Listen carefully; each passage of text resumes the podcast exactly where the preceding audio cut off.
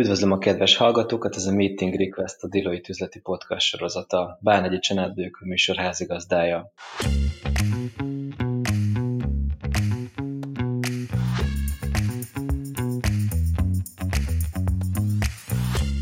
Az adást továbbra is home office-ból vesszük föl, és természetesen a mai témánkat is meghatározza a koronavírus, illetve a vírus kapcsán kialakult veszélyhelyzet, valamint a gazdasági válság. Ma arról fogunk beszélni, hogy a nagy magyar családi vállalkozásokat elsősorban kibervédelmi szempontból hogyan érinti a jelen helyzet. Ennek megfelelően beszélgető partnereim lesznek a mai műsorban Antal Lajos, a Delayed kiberbiztonsági üzletágának magyarországi, illetve közép-európai vezetője, valamint Kóka Gábor, a Deloitte Private üzletág ugyancsak magyarországi, illetve közép-európai vezetője. Sziasztok! Sziasztok! Sziasztok! Mielőtt belemennénk részletesebben a mai témánkba, kezdjük talán azzal, hogy adtok egy általánosabb képet a saját területetekről, hogy milyen, milyen trendeket, milyen jelenségeket láttok most a koronavírus járvány kapcsán. Lajos első körben hozzád fordulok, hogy kiberbiztonsági oldalról mit hozott a járvány, illetve a veszélyhelyzet, milyen trendeket látsz? Káoszt, nagyon röviden összefoglalva. Tehát rögtön, a, amikor márciusban elindult a, az otthonlét, akkor volt egy nagyon erős felfutás, és lehetett érzékelni, hogy egészségügyi intézmények, köztük kórházak célponttá váltak, támadták őket, többek közt a Brunói kórházat. És, és volt egy nagyon erős felfutás már az elején a, a beces támadásokban, ez a Business Email Compromiserről majd beszélünk részletesebben szerintem.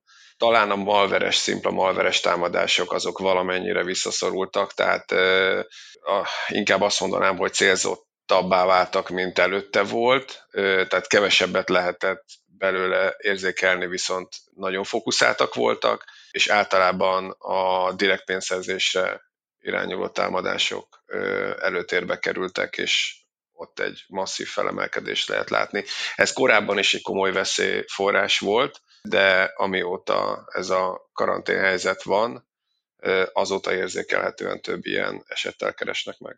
Sajnos ez egy nagyon ö, ö, szofisztikáltan fölépített támadásforma, ö, és ö, elég jó jövedelmezésséget biztosít, nem akarok senkit ö, kapacitálni arra, hogy ebbe fogjon bele, mert azért ez masszív bűncselekménynek számít, de azt lehet mondani, hogy a könnyű pénzszerzés az elég sokakat tud csábítani.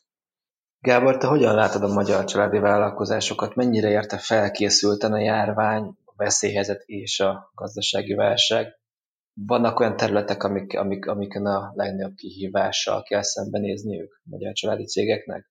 Én azt látom, hogy, a, hogy az, az első sokkot, azt működés szempontjából viszonylag jól viselték a vállalkozások. Tehát a meglévő rendszereikkel, e-mail, Zoom, Teams, átálltak gyakorlatilag mindannyian, amennyire tudtak home office működésre, nyilván iparáktól függően vannak olyan ügyfelek, akiknél, akiknél ez, ez képtelenség, ott, ott is bevezettek adhok intézkedéseket. Családi vállalkozásoknál úgy általában is azt látjuk, hogy egészen rugalmasan tudnak hirtelen kihívásokra reagálni, úgyhogy ezt is, ezt is ilyen módon megoldották. Azt gondolom, hogy a, hogy a hosszabb távú működésben látjuk majd meg azt, hogy, hogy mennyire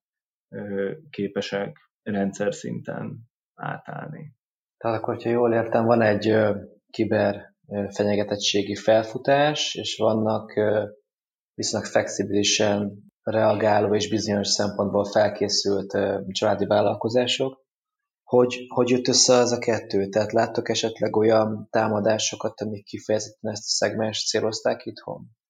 Kifejezetten szegmest, ugye említettem az egészségügyi intézményeket, ők mindenképpen fókuszba kerültek hirtelen, és most nem menjünk bele a erkölcsi és etikai részébe, hogy egy ilyen, pláne ilyen körülmények között miért támadnak meg egy ilyen intézményt. Nemrég foglalkoztam ezzel egy picit mélyebben, azért háborús viszonylathoz összehasonlítva. Háborús helyzetekben is támadtak már meg vöröskeresztes csoportot, úgyhogy ez nem olyan, amit nem látott már a, még a világ, de ugyanakkor az, hogy most ők célkeresztbe kerültek, az egyértelműen inkább arra irányult véleményem szerint, hogy gyors pénzkeresét lehetőséget látott benne a támadó, mert hogy egy feszült kiélezett helyzet van, nagyon gyors megoldás kellene, és mondjuk egy, egy malveres betitkosítós támadásnál elképzelhetőnek tartja, hogy inkább a rövidebb utat választják, mondván, hogy fizetek, és majd megkapom a kulcsot, és megy tovább az élet. Ez feltételezem mögötte. A másik a business email compromise-nál ott pedig hát ott kizárólag pénzszerzési irány van, tehát ott más föl sem merülhet hogy politikai szándékból követi el valaki mondjuk. Ott, ott, ott egyértelműen azt mondom, hogy ez a helyzet, hogy emberek távol kerültek egymástól, illetve nagy mennyiségben történt olyan átállás, hogy olyan gépek kerültek be üzleti adatforgalomba, amik esetleg adott pillanatban még nem álltak felkészülten egy, egy üzleti kapcsolatra, hogy finom legyek, magyarán biztonsági szempontból elég lepusztult. Ott egy komoly helyzet áll elő. Egy lehetőség.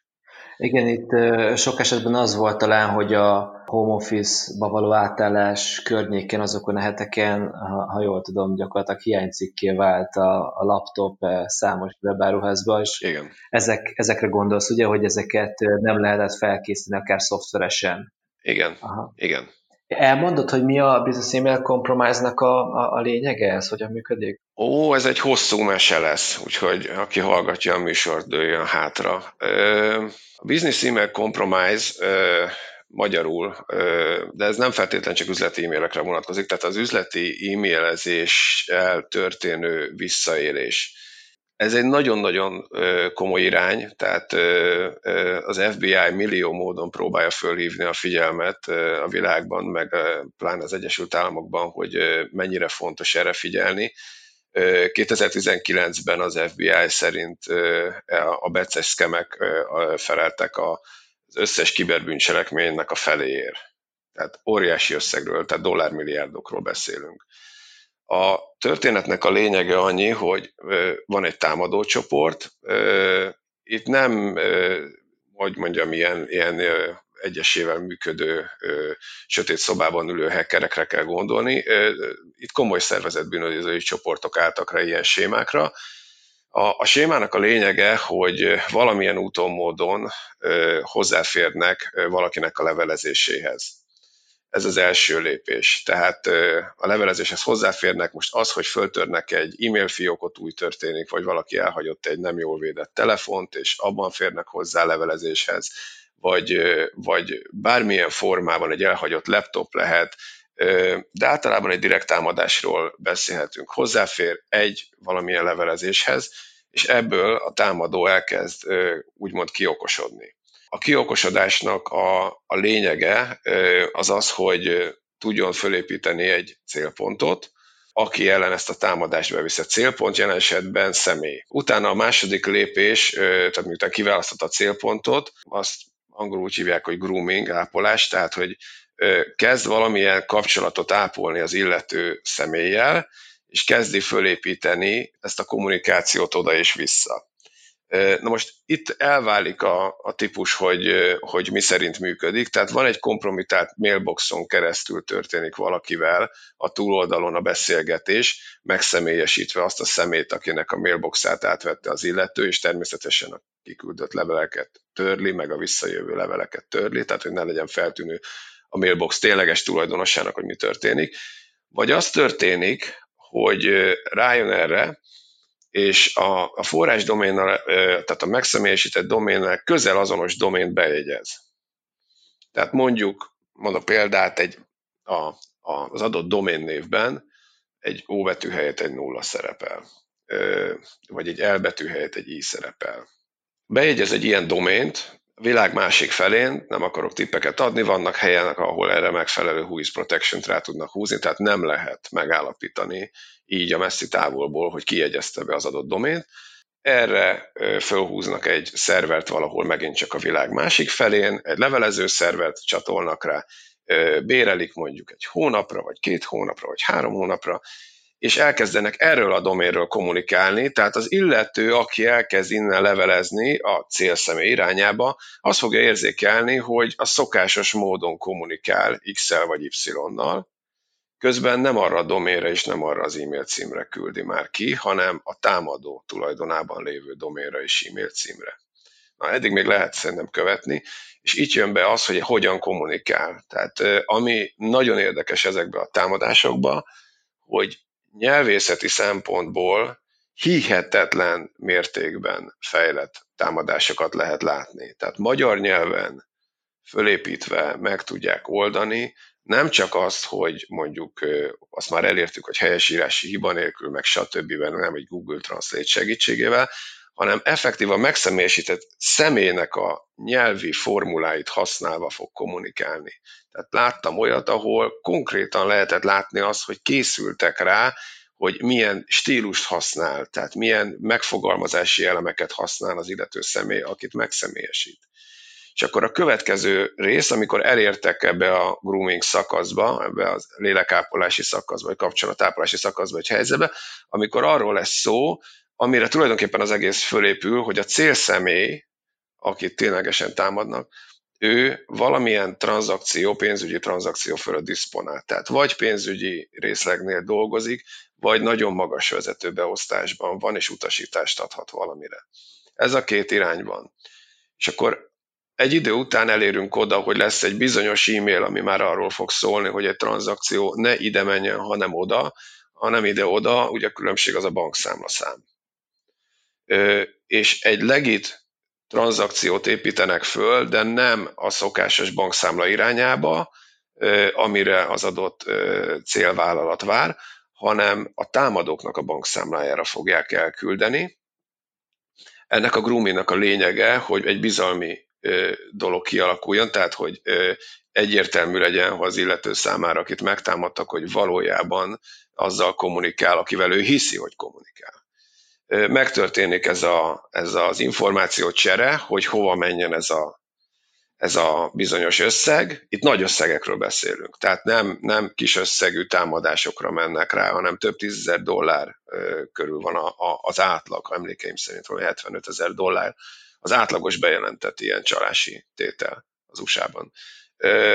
És akkor megtörténik ez, utána átkerül a pénzösszeg a támadókhoz, és azt a pénzösszeget pedig eltüntetik a világban. Tehát itt ebben az ilyen támadó csoportokban három csapat működik. Van egy technológiai csapat, aki fölépíti a technológiai paramétereit ennek a támadásnak, van egy nyelvészeti csapat, aki föl tudja építeni az e-mailt, és van egy pénzmosási csapat, amelyik azért felel, hogy a pénzt nagyon gyorsan távolban tudják. Ez, a, ez nagyon röviden a, a támadásnak a lényege, ami az érdekessége az, hogy itt nincsenek vírusok, nincsenek malverek, nincs az, hogy majd az antivírus mit fog kiszűrni, nincs az, hogy majd a tűzfal mit fog kiszűrni, vagy a proxy. Tehát nincsenek ilyen lépések benne. Itt egyszerű beszélgetés zajlik írásban, és ennek a hatására valakit rávesznek arra, hogy egy tranzakciót a célszámla tekintetében módosítson. Ez nagyon röviden a, a BETS vagy Business Email Compromise-nak a lényege. Na ez világszinten is nagyon nagy mértékben nő, nagyon magas részét képezi a kiberbűncselekményeknek, és Magyarország nem kivétel ebből a szempontból. Masszívan jelen van ez a támadásforma hazánkban.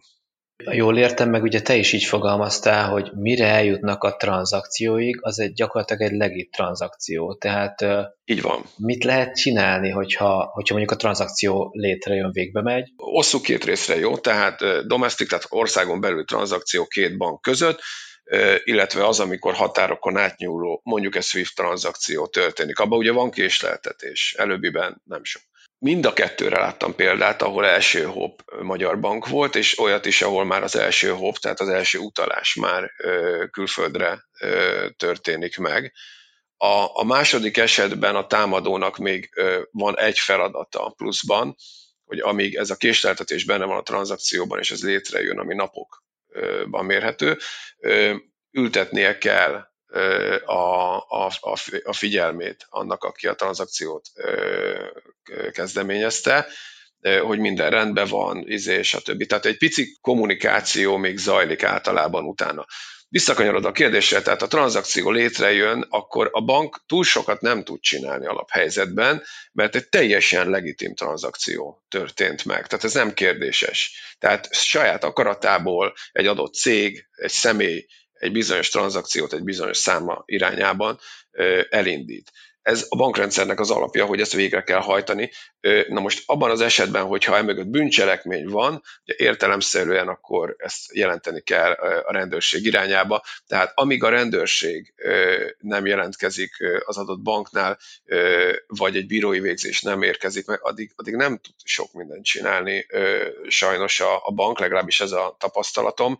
Vannak nagyon kritikus vagy kérdéses elemek ebben az egészben, ami túlságosan gyanussá teszi a, az egészet, akkor, akkor az talán előfordulhat, hogy on hold, tehát parkolópályára teszik egy bizonyos ideig a tranzakciót, de alapvetően egy legit tranzakciót tényleg végre kell hajtani. Sajnos a, a bűnfelderítési irányból az egyik legfontosabb eleme az ilyen bűncselekmények felderítésének az a pénzmozgásnak a követése. Ugyanakkor az első lépések tekintetében a pénzmozgás az, ami nagyon nehezen megakadályozható. Tehát itt az első lépések azok tényleg szokásos jogi procedúrák és a rendőrség felé való jelentése az esetnek. Aztán utána beszélünk majd róla, mert van számos elem, amit lehet tenni azért, hogy valaki ne váljon áldozattá, de alapvetően viszonylag kis efforttal, elég nagy siker százalékkal komoly összegeket meg tudnak lovasítani ilyen támadók. Még ami, ami eszembe jutott Lajos ezzel kapcsolatban, hogy ugye ez ezek a támadások, ezek tipikusan meglévő jó ügyfél kapcsolatba helyezkednek bele. Igen. És én, én azt, azt látom ügyfeleimnél, hogy, hogy adott esetben pár tízezer vagy akár százezer eurós veszteség az még mindig jobban lenyelhető, mint adott esetben egy ilyen esemény után ennek az ügyfél kapcsolatnak a megromlása. Tehát én, én, én hogyha az elszenvedő oldalon vagyok, és egy, egy nagyon jó üzleti partneremet sikerült feltörni, és ennek kapcsán engem átverni, akkor valószínűleg még odáig is eljuthatok, hogy adott esetben valamiféle kárigényt érvényesítsek. De, de az, hogy azt az üzleti kapcsolatot ez megnehezíti a jövőben, az, az mennyire látszik ezekben? Elsődleges problémának tartom azt, hogy a, a kapcsolatnak a megromlás, illetve hogy ez ne történjen meg. Visszakanyarodva a gondolatodnak az elejére, Gábor, a tényleg onnan indul, hogy rendszerint olyan kommunikációba állnak bele, ahol érezhető, hogy két személy között megvan egy jó kapcsolat. Tehát ez nem, nem mondanám, hogy bizalmi kapcsolat van, lehet, hogy bizalmi kapcsolat van, de mindenképpen egy rutin kialakult. Tehát mondjuk két pénzügyes, két cégnél kommunikál egymással. Ez egy nagyon stabil történet, ahol, ahol rendszeresen utalások vannak, stb., és ilyenbe fog ö, beleállni az illető személy. A második lépés, hogy eltulajdonítanak mondjuk egy összeget, mondjuk fél millió dollárt. Értelemszerűen olyan közegbe fogja ezt megcsinálni, ahol fél millió dollár az a utalás, az a normál üzleti életnek a része. Tehát nem egy kiugró dolog, nem olyan, ami évente egyszer történik náluk, hanem ez a normál működésnek a része. Ez gyakorlatilag aranybánya. És a következő az, hogy megtörténik ez a csalás, aminek a, a lelepleződése ott kezdődik, hogy akinek meg kellett volna kapni az összeget, egy szép napon azt mondja, hogy mikor utaltok. És akkor a másik fél azt mondja, hogy de hát utaltunk két hete. És akkor elkezdődik egy beszélgetés erről, nagyon rövid időn belül általában föl szokták térképezni a helyzetet, rájönnek, hogy itt valami csalás történt. Mi történik első körben, amikor ilyen van? A vezetés abszolút értesítése, aki elrendeli, hogy nézzék meg, hogy mi történt, amiben ugye esetenként a biztonságot bevonják, de mindenképpen a jogászokat bevonják. Léteznek jogi megoldások, meg létezik a, az üzlet. Nagyon azt érzékelem sok esetben, hogy nagyon kitetté válik az a fajta kapcsolat, bizalmi kapcsolat két üzleti entitás között ilyenkor, kinek a felelőssége ez. Ugyanis visszakanyarodva arra, hogy úgy kezdtem a, a mesémet, hogy, hogy, hogy valakinek a mailboxát esetleg megtámadják és hozzáférnek ilyen információhoz. Ez ebben az időpontban, amikor lelepleződik ez a csalás, ez nem feltétlen ismert, hogy pontosan kinek a rendszeréhez fértek hozzá.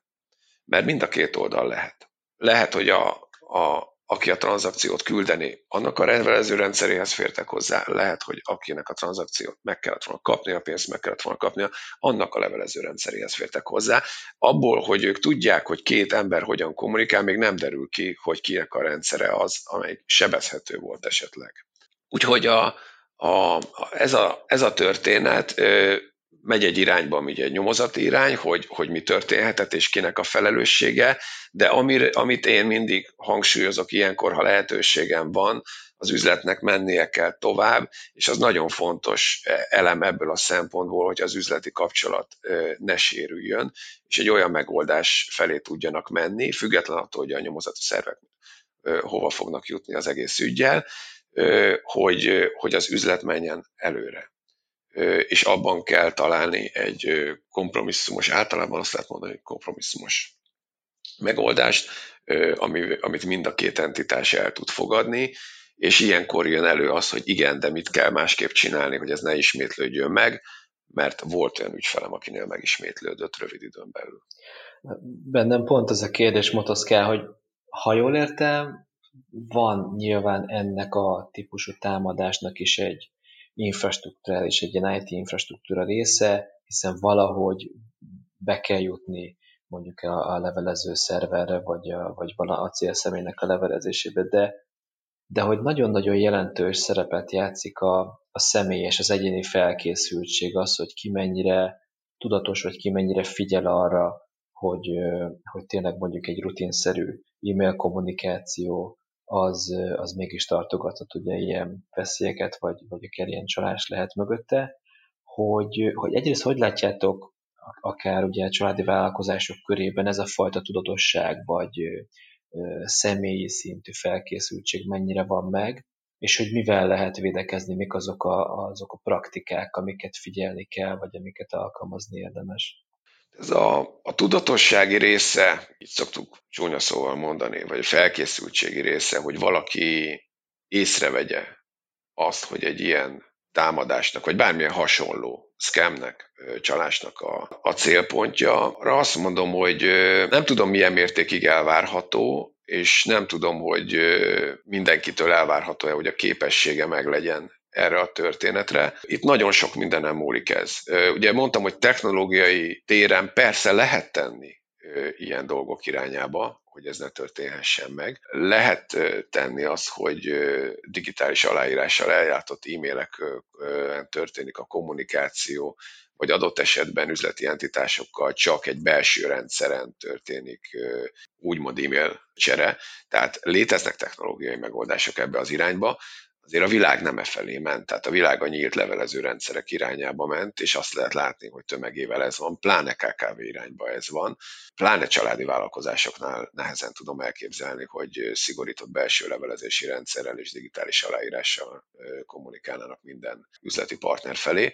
Tehát a technológia az, amiben azt mondanám, hogy nem biztos, hogy ez a, az első lépés ebben a támadási formában. Ezt egyébként meg tudom erősíteni, bocsánat, hogy így, hogy így közbevágok. Szerintem, szerintem a, a mi tapasztalatunk az azt mutatja, hogy, hogy a családi vállalkozások, a magánvállalkozások alapvetően nagyon alapszintű védettséggel, vagy még azzal sem rendelkeznek. Ugye csak a saját munkaterületünkön, ugye mi nagyon bizalmas információkkal, nagyon bizalmas tranzakciókkal foglalkozunk, ezeknek egy része egészen személyes, de még, még túl is nyúlik a, az üzleti bizalmasságon, és ezek a levelezések is teljesen szimpla levelező rendszeren, vagy adott esetben, amikor, amikor magánügyekről van szó, akkor még csak nem is a céges levelező rendszeren, hanem egy, egy, egy nyílt magánlevelező rendszeren zajlik. Amíg Nyugat-Európában azt látom, hogy a, a Deloitte Private-nak a magánügyfelei, családi vállalkozásoknál a szolgáltatásainknak egy nagyon jelentős része az ilyen cyber biztonsági munkákban testesül meg, addig Magyarországon nagyon nehéz akár közvetlenül a, az ügyfeleink figyelmét erre ráirányítani, de azt tudom mondani, hogy, hogy, hogy nagyon jó nevű családi vállalkozásokat tömörítő szervezeteknek sem sikerült még a témalistájára felkerülni ezzel a témával érdeklődés hiányában.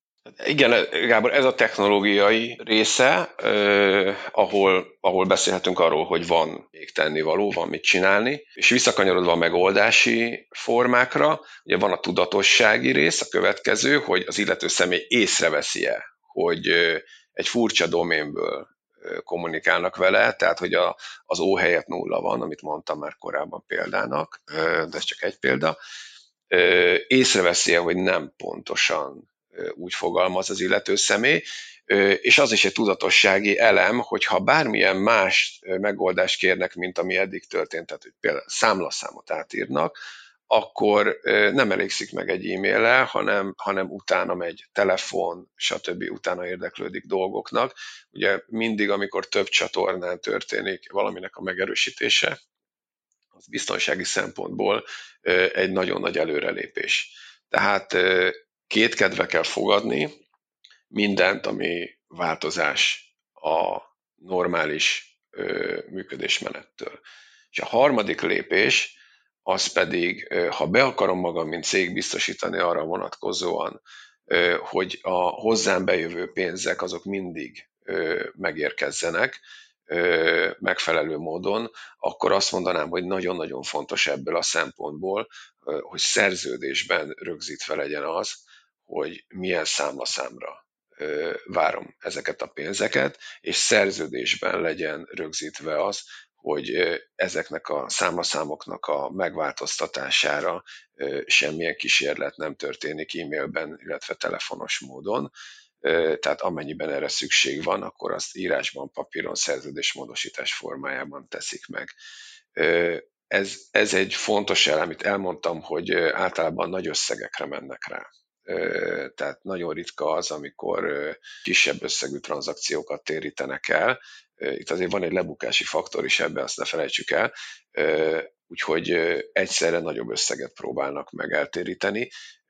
Ennek megfelelően azért ilyen összegű tranzakcióknál szerintem, aki elő, akinek előfordul, ott talán megfontolható az, hogy meg tudják oldani, hogy szerződésben rögzítik annak a paramétereit, hogy az átutalások hova érkezzenek, illetve a bankszámlaszámnak a módosítása az milyen protokoll mellett történhet meg. Ebben az esetben, ha ez rögzített két fél között, és ettől függetlenül valaki más számaszámra fogja elküldeni az összeget, akkor ott azért a felelősséget gondolom már másképp fogják értékelni. Tehát nagyon fontos, hogy rögzítve is legyen, és hogy a folyamatokban ez valóban éljen, tehát a partnerek tudják azt, hogy a szabály az, hogy nem kommunikálunk e-mailben arról, hogy megváltoztatunk számaszámokat.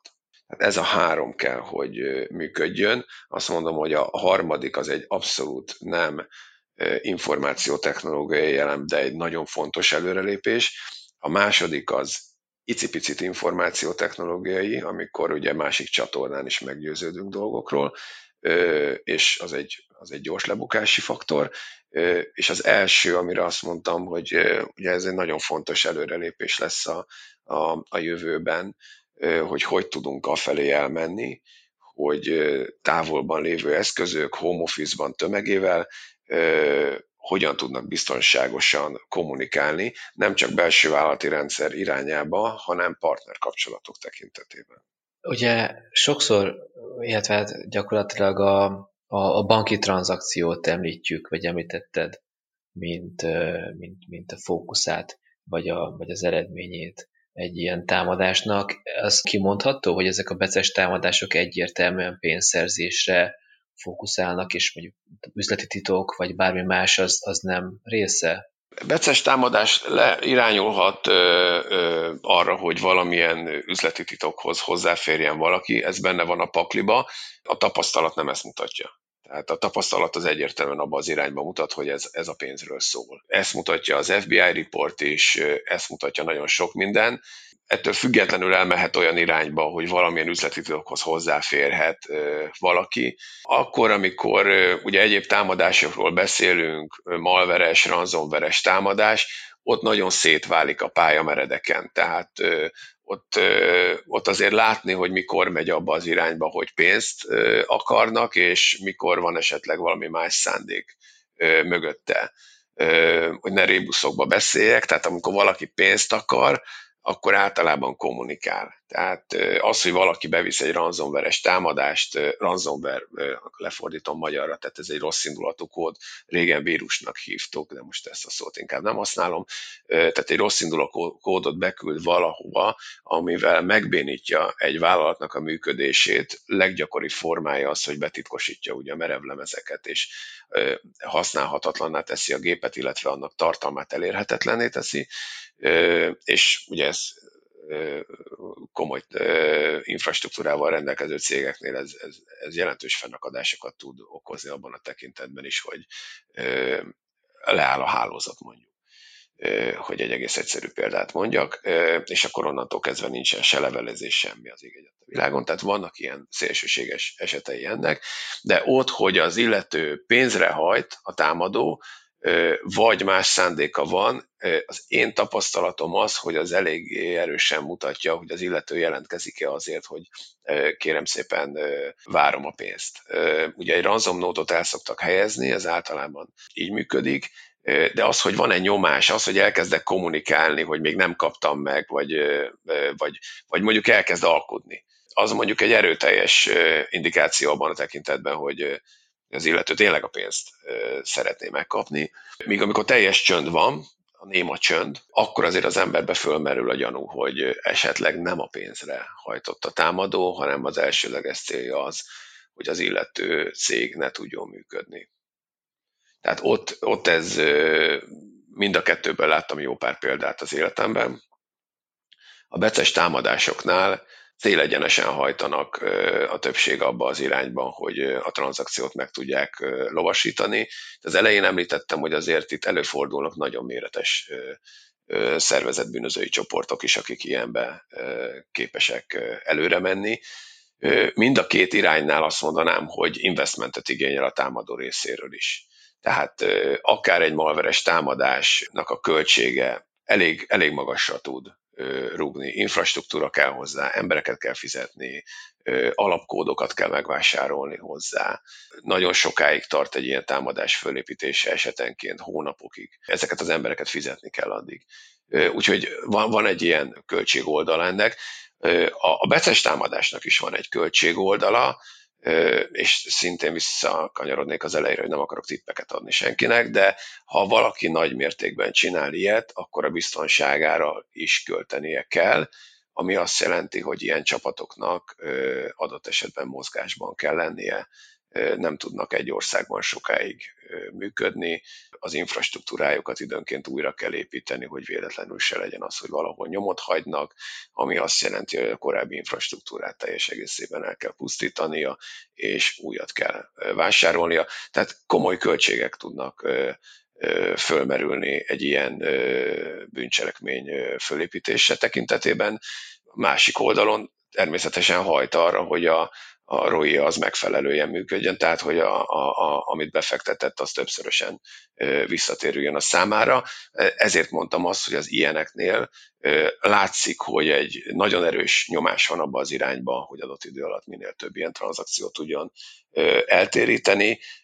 Nem ezt tartom az elsődleges, legszofisztikáltabb formájának annak, hogy valaki belső információt szerezzen meg. Említetted, Lajos, hogy, hogy, hogy ugye azért vannak olyan esetek, amikor, amikor kifejezetten a, a cég működésének mondjuk a, a lebénítására vagy a megzavarására lépnek föl itt a támadók, és csak az jutott eszembe, hogy ugye a magánvállalkozásoknál, meg családi vállalkozásoknál olyan mértékben összefonódik, és ezt, ezt jó értelemben mondom, a, a család neve, meg a család jó híre az üzlet működésével, hogy adott esetben nem is kell mondjuk a, a szervereket megbénítani, hanem a családtagok elleni támadás, vagy az ő, nem tudom, köz, közösségi média oldalukon valamiféle nagyon negatív, rossz indulatú dolognak a feltüntetése, hogy már ez önmagában elég, elég káros lehet. Ilyesmi, ilyesmi történik? Ez, ez,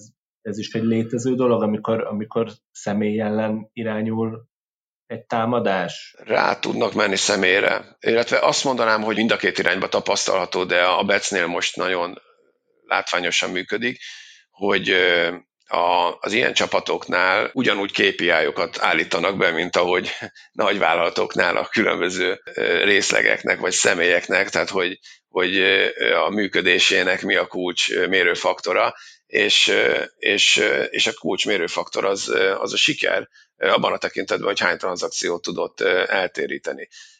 Ennél fogva nekik listáik vannak arról, hogy milyen cégek ellen mennek, vagy milyen személyek ellen mennek, és nem adják föl. Tehát az, hogy rátapadnak valakire, az sajnos jellemzője az ilyen támadásnak. Ha egy nem jött be, majd be fog jönni a következő, vagy az azt követő, vagy az azt követő, és nem jellemző, hogy, hogy feladnák. A malveres támadásoknál, mert ezt mondtam így ellentétként, vagy, vagy, vagy párhuzamos példaként, ott inkább azt lehet észrevenni, hogy ahol nagyon szofisztikált támadást visznek be, ott iszonyat mennyiségű időt és felkészülést és, és energiát fektetnek abba, hogy sikerrel tudjanak járni. Nem mondom, hogy százszázalékosan profik, mert senki sem lehet százszázalékos ebben a szakmában, de nagyon komoly tudással rendelkeznek, és nagyon tudatosan építik fel a támadásformákat, tehát azt a, azt a luxust nem igazán engedheti meg magának egy ilyen csoport, azt lehet mondani, hogy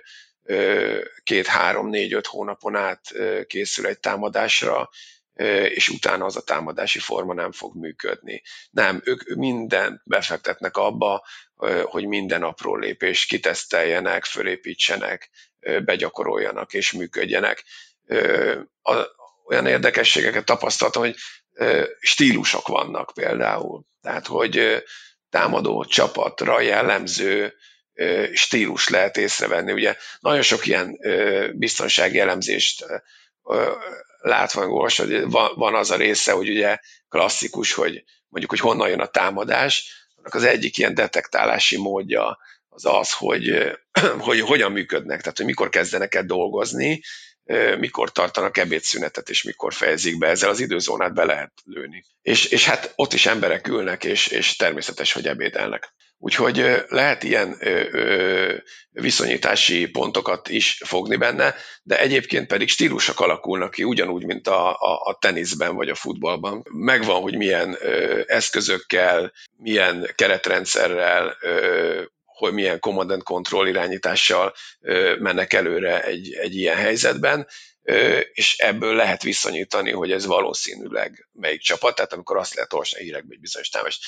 lehetően ez és ez a csoport hajtott végre, vagy ehhez és ehhez az országhoz köthető, akkor általában ilyesmiknek az elemzése történik meg. Tehát a, a, a malveres támadásoknál, ami a másik nagy forma most, ott, ott azt mondanám, hogy nem engedhető meg az a luxus, hogy, hogy valami ne működjön, amikor célbe vettek egy, egy intézményt, és ez egy tényleg egy szofisztikált támadás, és nem arról van szó, hogy egy, egy egyszemélyes valaki neki át gondot okozni valahol. A, az első, a becesnél ott pedig egyértelmű, hogy mérőfaktoraik lehetnek arra vonatkozóan, hogy egy adott cégből hogyan tudnak X mennyiségű pénzt kihozni.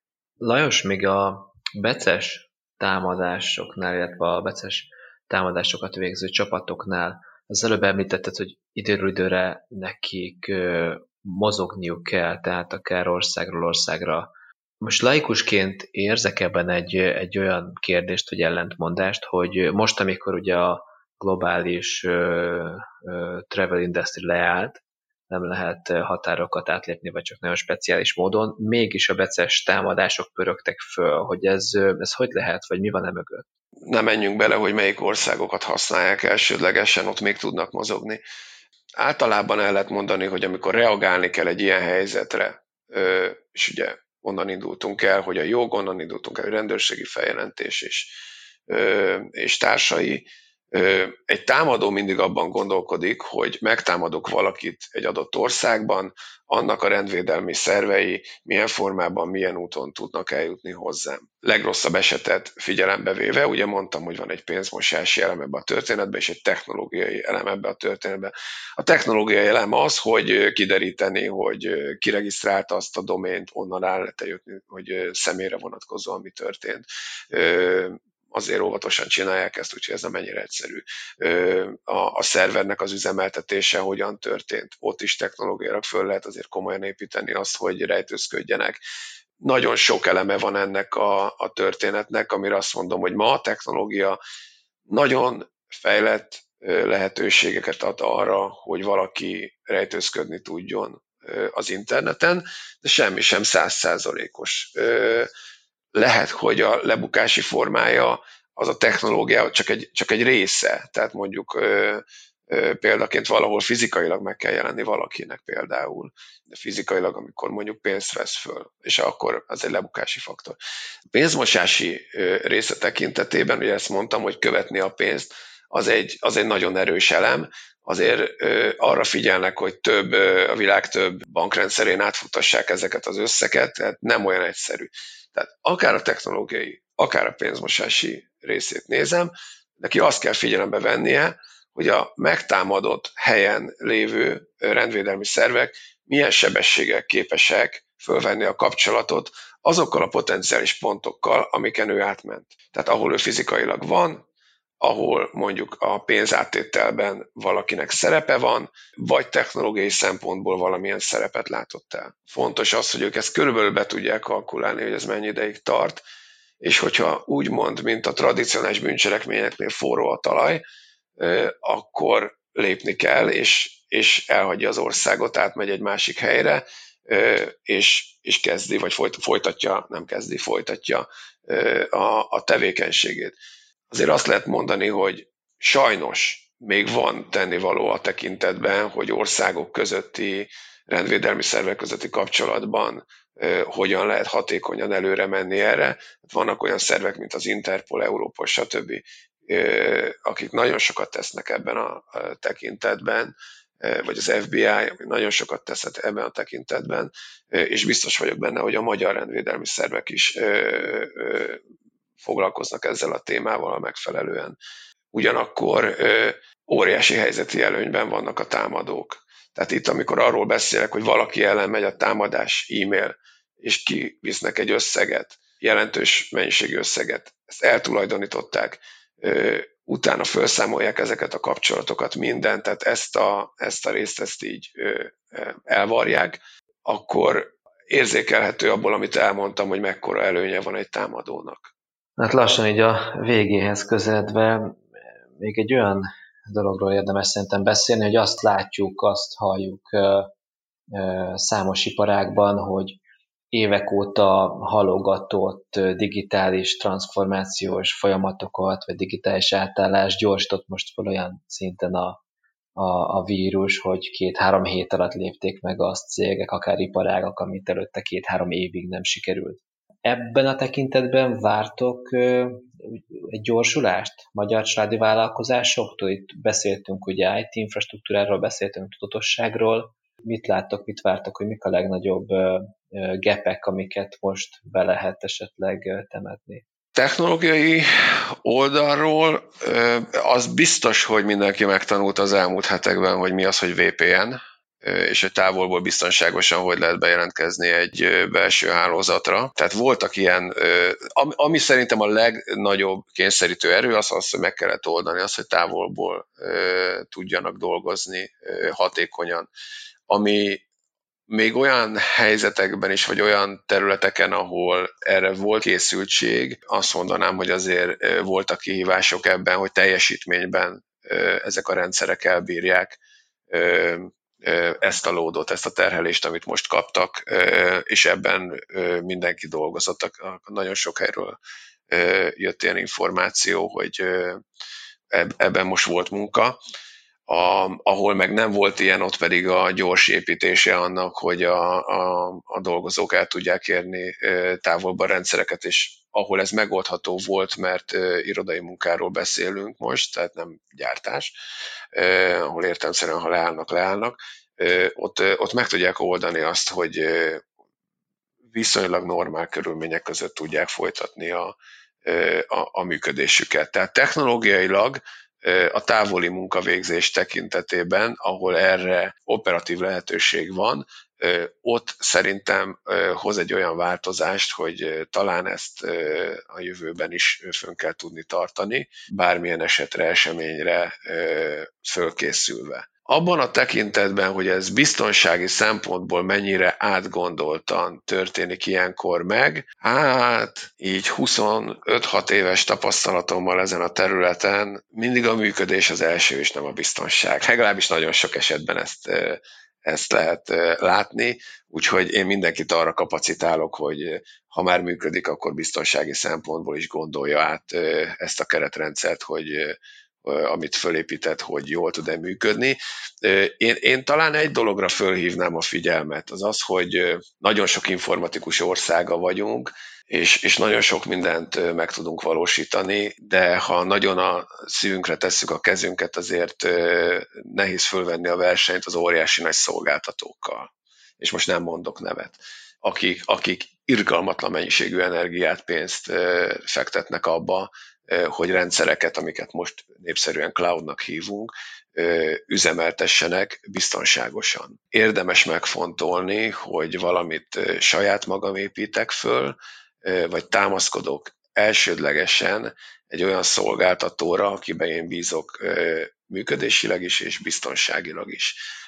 Mondok egy példát csak, ugye a beces támadásra visszakanyarodva, nagyon nehéz egy e-mail fiókot feltörni, hogyha azon mondjuk kétfaktoros autentikáció van, ami azt jelenti, hogy a felhasználó névjelszó mellett valamilyen egyéb paraméter is szükséges, ami egy eltérő csatornán küldendő be, mondjuk mobiltelefonon, tehát belépek egy levelező fiókba a laptopomról, de a mobiltelefonon egy megerősítés kell, csak úgy, mint a banki rendszereknél, ahogy most már elvárt, hogy, hogy így működjön. Ez elvárható egy levelezési rendszernél, és na, hogy valaki egy ilyet fölépítsen, vagy, vagy olyan környezetet teremtsen, akár egy magán laptopon, egy magán tableten, egy magán telefonon, amiben a céges információt nagyon durván el tudja szeparálni a többi információtól, és biztonsági szempontból ez a hivatalos szó elnézést, hogy ezt a szám, de karanténba helyezi, az egy, hogy egy biztonságos környezetet teremt neki, ez, ez egy nagyon fontos elem. Ezt meglépni, úgy, hogy én XY Kft. ezt megcsinálom, ez nagyon komoly erőforrást igényel. Tehát érdemes megfontolni, hogy én tudok-e ilyet meglépni, fontosnak tartom-e, és egy szolgáltatón keresztül, ha ezért fizetek, akkor ez nekem mennyibe kerül, és mi az a minőség, amit kapok ezzel. Egy picit a technológiai szolgáltatás szemléletet bevinni az informatikába, az talán most egy megfelelő idő arra, hogy, hogy ezek a vállalkozások, ezek a családi vállalkozások is átgondolják. Hát nagyon izgalmas kérdéseket feszegettünk a mai napon, amiről még sokat, illetve hosszan lehetne beszélni. A mai adásunkban azonban ennyi fért. Köszönöm Kóka Gábornak és Antal Lajosnak a szakértő gondolatokat, a kedves hallgatóknak pedig a megtisztelő figyelmet. Hamarosan jelentkezünk egy következő meeting request adással. Köszönjük! Köszönjük, sziasztok!